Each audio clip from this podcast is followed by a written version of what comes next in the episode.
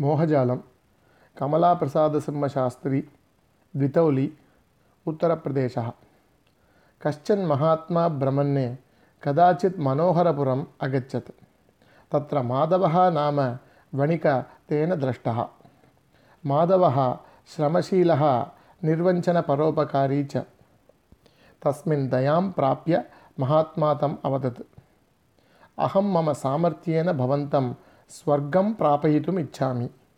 आगम्यतां मया सह इति। तदा माधवः अहं पुत्ररहितः। पुत्रः एव नरकात् त्रायते। अतः पुत्रप्राप्तेः अनन्तरम् अहम् आगमिष्यामि भवता सह इति। पुत्रप्राप्तिरस्तु इति आशीर्वादं कृतवान् महात्मा।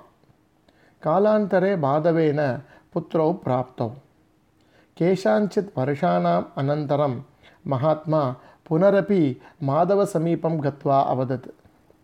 इदानीं स्वर्गं गच्छाव इति। मम पुत्रौ अल्पवयस्कौ स्तः। तयोः परिपालनं कः कुर्यात् मत्तः ऋते? अतः अग्रे कदाचित् आगमिष्यामि इति अवदत् माधवः।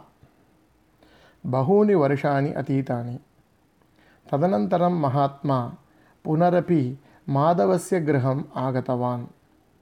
माधवः तेन गृहे न दृष्टः योगबलेन महात्मा ज्ञातवान् यत् माधवः वार्धक्यं प्राप्य मरणस्य अनन्तरं वृषभजन्म प्राप्तवान् अस्ति इति।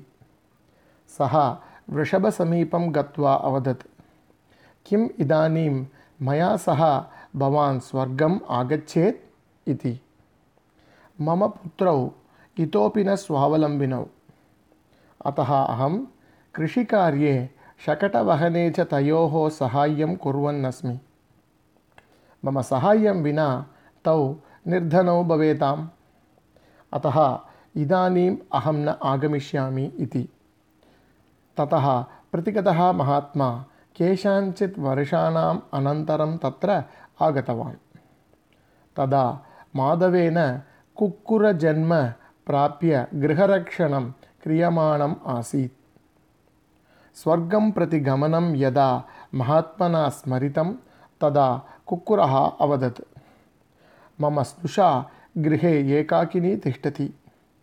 यदि अहं गृहरक्षणं न कुर्यां तर्हि चोराः सर्वं चोरयेयुः। तस्मात् अग्रे कदाचित् भवता सह आगमिष्यामि इति। पुनः महात्मा यदा आगतः तदा माधवः मण्डूकजन्म प्राप्तवान् आसीत्। महात्मना स्वर्गगमनविषयः यदा उपस्थापितः तदा मण्डूकः अवदत्।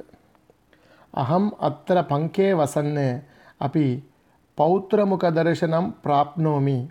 प्रतिदिनं ते यदा विद्यालयं गच्छन्तः भवन्ति तदा एतद् भाग्यं किं स्वर्गे प्राप्येत्? न खलु? अतः अहं स्वर्गं प्रति आगन्तुं न इच्छामि इति। अहो मोहजालस्य प्राबल्यं हस्तगतां स्वर्गप्राप्तिमपि एषः तिरस्कृतवान् बहुधा।